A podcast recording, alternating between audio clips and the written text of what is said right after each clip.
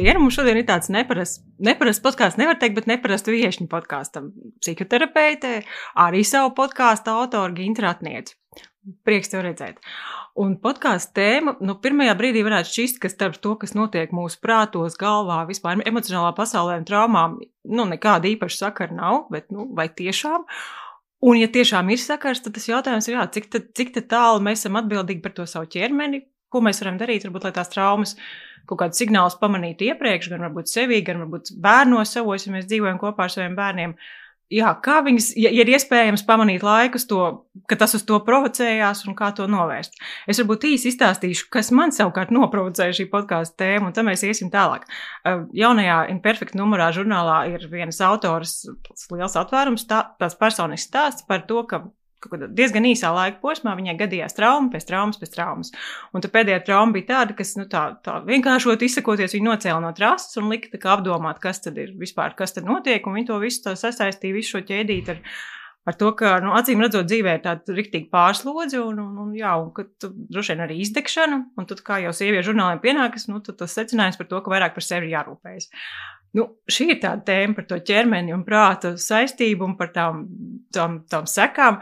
Ko tu saki, traumas un tas, kas notiek mūsu iekšējā pasaulē, cik tam ir liels sakars, cik tam ir jāpievērš tāda vispār vērība un uzmanība? Nu, no sākuma es gribētu uh, teikt, ka nevienmēr jautājums, kāpēc tas notika, ir būtiskākais.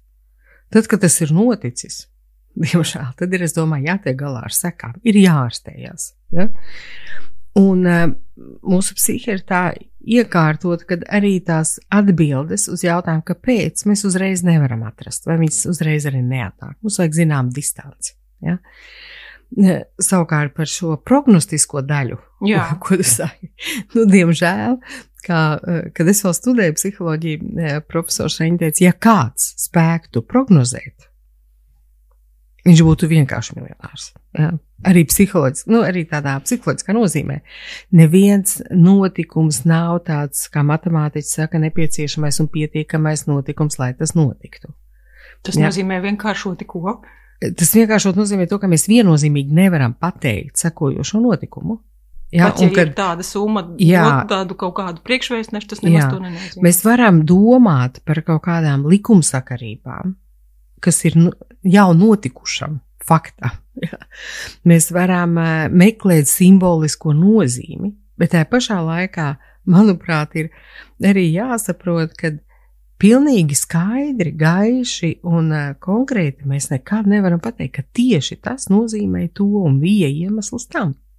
Tā tāda ļoti liela rakāšanās sevi un vainošana arī nav īsti pareizais veids, ja kaut kas notiek. Nu, kāda tam, nu, es teiktu, ka tas nav konstruktīvi. Produkti, nu, jā, vien, tam nav jēga. Jā. jā. Jo drīzāk ir patiešām ir šis vairāk, ok, ja, tos, ja tam ir kaut kāda. Mm, mm, Kaut kāds efekts tai turpmākajai darbībai, to mēs vēl parunāsim. Ja tad ir patiešām vērts, reizēm, protams, ir vērts uh, vērot savas dzīves notikumus un jautāt par iemesliem, kāpēc, kāpēc tie notiek. Ja? Nu, lūk, un, um, tas savukārt dod ko? Mm, Un tūlītās. Jā, neskrien. Labi. ja. Tā kā, e, un to ir vērts darīt, tā, nu, kā es teicu, ir jārastējās, ja ir traumas, vai jebkāda, arī jebkura saslimšana, ja ir. Ja? Un pēc tam, var, iespējams, skatoties atpakaļ, ir jāskatās, ar kādiem dzīves um, notikumiem tas tā kā sakrīt. Ja? Un tad domāt, kāda tā ir tā saistība. Ja?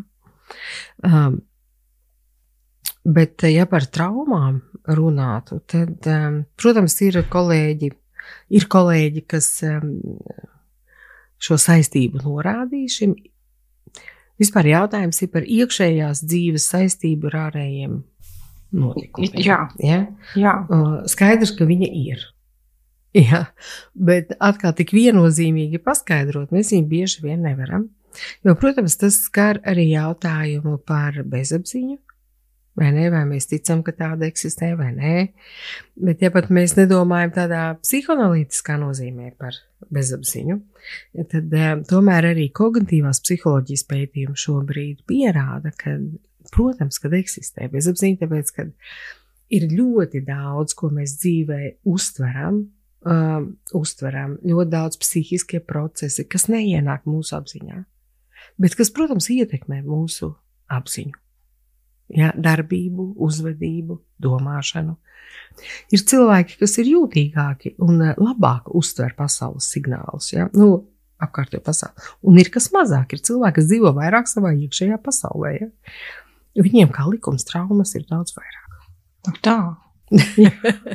nu, teiktu, tāpēc, ka ir cilvēki, nu, ir tipoloģija, cilvēkiem dažādi funkcionē psihē. Ja, un um, ir cilvēku tipi, ja, kas, um, kas patiešām ir mazākā kontaktā ar realitāti.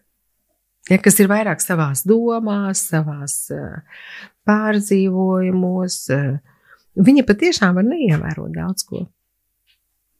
Tā kā elementāras lietas, kuras savukārt jā, loģiski jā, noved vienkārši pie.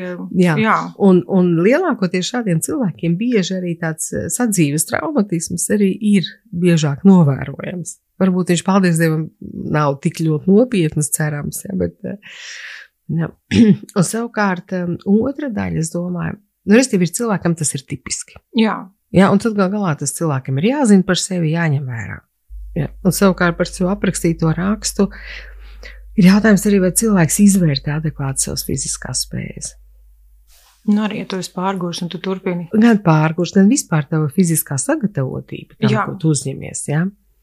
Nu, arī, ja vienreiz kaut ko nu, var gadīties, bet, ja tas tik daudz, tad jautājums tiešām, vai cilvēks spēj to izvērtēt, nu, vai kādā veidā izvērtē. Ja? Tā kā es teiktu, ka, protams, ļoti daudz kas ietekmē. Um, Bet tā kā tas nav tā viennozīmīgi, ka var pateikt, tā kā algoritmā. Nevar, noteikti nevar. Es palasīju vienu tādu pētījumu par sportistiem, kas bija nu, profesionāli sportisti un tāds il, nu, tād ilgtermiņi viņi bija vēroti. Tur tas, tā doma bija tāda, ka, ja kaut kas nelāks viņa dzīvē atgadās viens notikums, tas nekādā veidā viņa to profesionālo sliegumu neietekmē. Savukārt, ja tā ir tāda ķēdīta notikuma, tad tas nu, rada ķermenī diezgan lielu spriedzi, un šī spriedze savukārt rezultējās, nu, var mhm. rezultēties traumā, ka tas palielina to risku. Ko jā? Tā ir tāda ļoti tāda uzskatāma, jā, jā, jā. taustām lieta. Mm -hmm. Tad, kad cilvēkam ir liels stress, um, viņš tā kā dekompensējās, un pirmās, pirmais, kas viņām, ko viņš pazaudēja, ir vēlāk apgūtās iemaņas. Cilvēki regresē. Jā. Ja? Un pirmais viņa pazūd, piemēram, tāds sportists. Viņš, protams, savas prasmes, iemaņas trenē, un tās teorētiski tās ir diezgan vēlas, eh, vēlu apgūtas iemaņas, prasmes. Jā. Ja? Un tas ir pirmais, ko viņš arī zaudē, to, ko viņš ir pēdējais, ko viņš ir uztrenējis. Ja? Jā, lielos stresos, un kad cilvēks saslimst, mēs parasti um, pazaudējam to, to glanci, kas ir uztrenēta pa virsmu. un, un arī tā sociālā uzvedība, attiecīgi, mēs varam nebūt vairāk tik laipni vai grib, regresējam arī tādā nozīmē, ka mēs gribam, lai par mums vairāk parūpējās, jo mēs paši arī nevaram vairāk parūpēties, un tas arī veicina to psiholoģisko regresu. Jā, uz tādu. Regresu vienmēr nozīmē iepriekšējās attīstības stadijas, agrīnāks vecums, arī psiholoģiski. Es tādu vēl vienu lietu, ka nereti tā, ka ja trauma gada, ir ģimene, un tad trauma gadās vairākiem ģimenes locekļiem. Vai tam ir kaut kāds nezinu, skaidrojums, vai tam ir kaut kāda sakarība, vai tas ir vienkārši atkal tādas mm. nejaušības, kas gadās? Nu, es tev trenēju šajā sarunā pilnīgi skaidrs, ka viennozīmīgs jā, jā. cēlonis nevar būt. Jā, un tāds ļoti loģisks kaut kāds skaidrojums, ja? Eh, bet par ko es aizdomājos šādā situācijā? Visticamāk, ka tā ir eh, kāda spriedze šai ģimenes eh, sistēmas kontekstā. Ja? Neatrisināti konflikti, neatrisinātas situācijas, jo tas kā likums ietekmē visus ģimenes locekļus. Jā. Visbi, un īpaši tad, kad tas arī netiek risināts. Jā, tas ir situācijas eh, klasiskās, kas ir ģimenes terapijā, un, un terapeiti, kas strādā ar bērniem, zina, ja? kad bērni sāk slimot, kad vecāki tur savā starpā kašķējās, tur notiek kaut kāds viņu starpā nesaprašanās, iespējams, viņi runā par šķiršanos, bērni neko par to visu nezina, tikai slimo. Tā kā galdā tas nav Jā. risināts, nu, tā burtiski netiek, piemēram, iesaistot bērnus. Ja? Bet um, tas to kopējo atmosfēru pilnīgi noteikti ietekmē.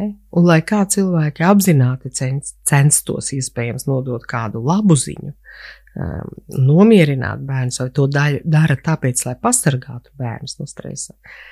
Bet um, tomēr mēs nekad nespējam kon, um, kontrolēt sevi tādā mērā, ja, lai um, mēs paužam to, kas mūsos notiek. Parasti tiešā, tieši un netieši, bet uh, mēs parādām to.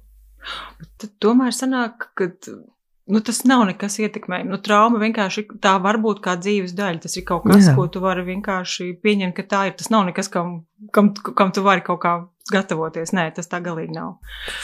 Nu, psiholoģiskā no, nozīmē, piemēram, Jungs runājas pat vēl tādiem, um, mm, kā lai to pasakam, mistiskākiem fenomeniem. Jā, Jā pat uh, tieši otrādi, ja cilvēks kļūst ļoti veiksmīgs. mm -hmm. Jā, iespējams, ka uh, likumsakarīga kļūst situācija, kurā viņš gūst kādu traumu. Arī tā. nu, tas princips ir sekojošs. Ja ka visam jābūt līdzsvarā, jā, ziņā. jā, ko līdz mēs attīstam vienu polaritāti ļoti spēcīgi, ja, tā, mums, tā kā, mūsu psihe ved uz tādu pilnību vai, un tiek ģenerēta uzreiz pretpols arī, ja? Ko, ko līdz mēs pazaudējam līdzsvaru. Ja? Bet pie zināmiem apstākļiem, protams, ja cilvēks saglabā veselo saprātu un veselīgu attieksmi pret saviem panākumiem, tad iespējams viņš arī no šī tiek pasargājās. Ja? Saka, ja mēs to tā, tēmu mazliet pagriežam otrādi, jo es saprotu, ka te mēs neko pārāk daudz nevaram. Ne, mēs varam vienkārši vērot un izdarīt secinājumus pēc tam. Nu, tā loģiski sanāk. Un jā, un arī spēja būs cilvēki, kas izdarīs šos secinājumus, viņi var būt palīdzoši, var nebūt, bet tā arī jautājums par attieksmi pret notiekušo. Ir cilvēki, kas mēģina saskatot šīs simbolisko jēgu visur, un varbūt pārāk daudz, un ir cilvēki, kas dzīvo tādā faktu līmenī, reālā pasaulē, faktu līmenī. Nu, nu, Interesantāk, protams, droši vien ir pirmajam, bet vieglāk ir otrajam. Nu, tā vismaz izklausās. Nu, grūti pateikt. Nu, jā, bet ja tā, jā. Varbūt. Varbūt.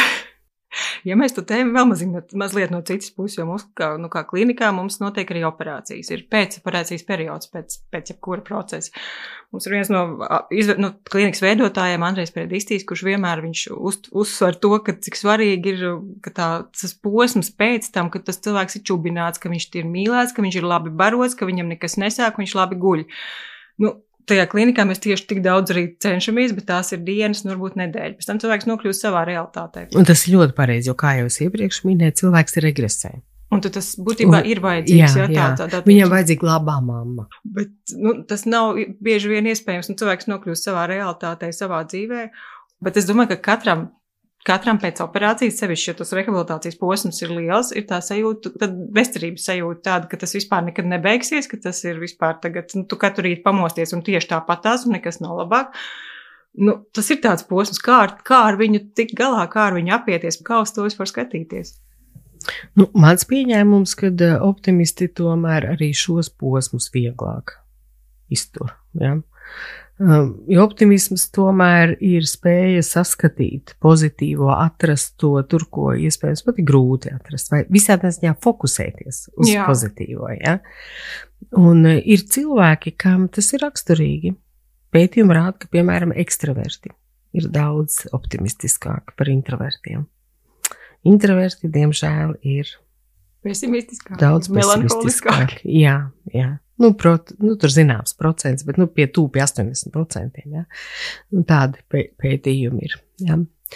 Eh, tā kā, protams, ka eh, līdz ar to, un arī ekstravertam būs vieglāk eh, veidot attiecības, pieņemt, arī fokusēties uz tiem ārējiem stimuliem, kas ir iespējami ja? Jā. un pieejami. Ja? Introverts visticamāk iedziļināsies tajā, cik viss ir slikti slikti. Bet nu, no otras puses, introvertam ir pieejama iztēle. Ja. Tā kā es teiktu, ka cilvēki, kas um, gatavojas šādām iespējams operācijām, plānu veida, nu varētu sev stādīt plānus un gatavoties tam, ko patīkamu viņi varētu darīt. Un uh, katru dienu, bezmaz vai arī tā dzīvot ar domu, ka man jāatrod vismaz tur trīs, piecas lietas, kas man patika šodien, jā. Un ja nē, tad tas ir jāizdara uz dienas otro pusi, ja, kas man iepriecina. Un mēģināt sev to nodrošināt. Bet cik vispār tas pesimisma posms vai tās bezcerības posms. Es arī sportistiem esmu pēc traumām dzirdējis, ka viņš tā, tāds viņš ir. Jā, jo ja mēs to skatāmies no tādas zaudējuma perspektīvas, jā. Jā, jo trauma tomēr vienmēr ir pēkšņa, jā, un, um, un īpaši sportistiem. Un tajā brīdī viņi uz ilgu laiku zaudē kaut kādas savas spējas, uh, iespējas dažādas. Ja? Un, lai mēs eh, normāli izsērotu, mēs atceramies klasiskās fāzes pēc Elizabetes Kiblers Rosas, ko viņa novērojusi ar savām. Šis attiecās arī uz traumām, ne? Protams, tas Jā. attiecās uz jebkuru zaudējumu, arī uz sapņu zaudējumu. Tas jau vēl nopietnāk. Jā. Jā, un tas pirmais ir šoks, Jā. vai ne, un tad ir tirgošanā, tad ir dusmas. Tad ir sēras un skumjas un tāda depresīva fāze, un tikai tad var būt pieņemšana. Un tās visas jūtas, manuprāt, ir ļoti dabiskas. Un viņas jau neiet tā kā pēc grāmatas. Nu, jā. Ja? Un iespējams, nav vienlīdz gari visi šie periodi, bet šī depresijas un sēru fāze, viņa ir psiholoģiski viņa ļoti veselīga. Tajā procesā notiek kas, piemēram, mēs to tādu jā, tajā procesā, jā, tajā procesā notiek pieņemšana. Jo kamēr mēs dusmojamies, mēs nepieņemam apkārtējos apstākļus. Jā. Ja? Un arī ir fizioloģiski, mēs gatavojamies cīņai. Mhm. -huh. Adrenalīns, viss, jā, dusmas, protests. Tas arī neveicina dzīšanu, ja tāds stāvoklis, vai tas, nu, grūti teikt. Tas grūti teikt, jo, redz, atkal savukārt, um, tā enerģija var arī veicināt tādu, nu, cīņas spāru. Jā. Jā, un tas arī, es domāju, treniņi, kas ir bieži vajadzīgi, tādi rutīni un apgrūtinoši pēc traumas, tas var, es domāju, to var laist arī tādā pozitīvā gultnē. Ja, bet šīs skumjas, viņas palīdz pieņemt, ka kaut kas dzīve, manā dzīvē nenotiek pēc mana plāna. Ja. Diemžēl. Pieņemt, jā, jā un tas ir vienīgais. Sērojot, ir vienīgais, kā es varu pieņemt to. Ja. Tas skumjas ir vajadzīgi, visi dziedējušas. Tu saki, ka tas veids, kā, kā ja, ja ir laika, tas ir kaut kas plānots operācija, tad ir vērtīgi sev mēģināt tos sagatavoties. sagatavoties ar tām mm -hmm. labajām lietām. Mm -hmm. Un arī, ja tas nav bijis plānota, pēc tam tie cilvēki, kas nodarbojas ar rehabilitāciju, protams, ir ļoti svarīgi. Jo prieks, tā ir emocija, kas vienmēr palīdz atvesaļoties. Vispār dzīvot, jā. Jā, jā. Es atceros, man viena kliente. Um, stāstīja, kā viņas, kad periodā, kad viņa slimoja ar onkoloģiju, viņa ir izārstējusies, bet viņa katru dienu skatījās vienu filmu par Polijānu, 2000, kurā tur gadā viņa uzņemta. Ja? Bet tā ir meitene par tādu pozitīvu domāšanu. Ja? Un viņa saka, es katru dienu skatījos šo filmu, man bija tāda. Es domāju, tādu arī pozitīvu filmu skatīšanās, ja vai labas grāmatas, kaut kā sevi iepriecināt, tas, kas patīk. Nu, paldies tev liels par sarunu. Mums ir tāds neliels ieskats uz traumu, kad, jā, kad sevi nevajag vainot absolūtajā, un ka tajā ir arī kaut kāda pozitīvā puse, un ka daļai kaut kam arī var sagatavoties, ja tas ir kaut kāds gaidāms notikums, kā teiksim, operācija, ka tur var kaut kā ienest kaut ko labu. Paldies, tev, es ceru, ka mums vēl kādreiz kāda saruna, tāds kopražojums var sanākt kopā. Mm -hmm. Paldies! Paldies! Tev. Atā. Atā.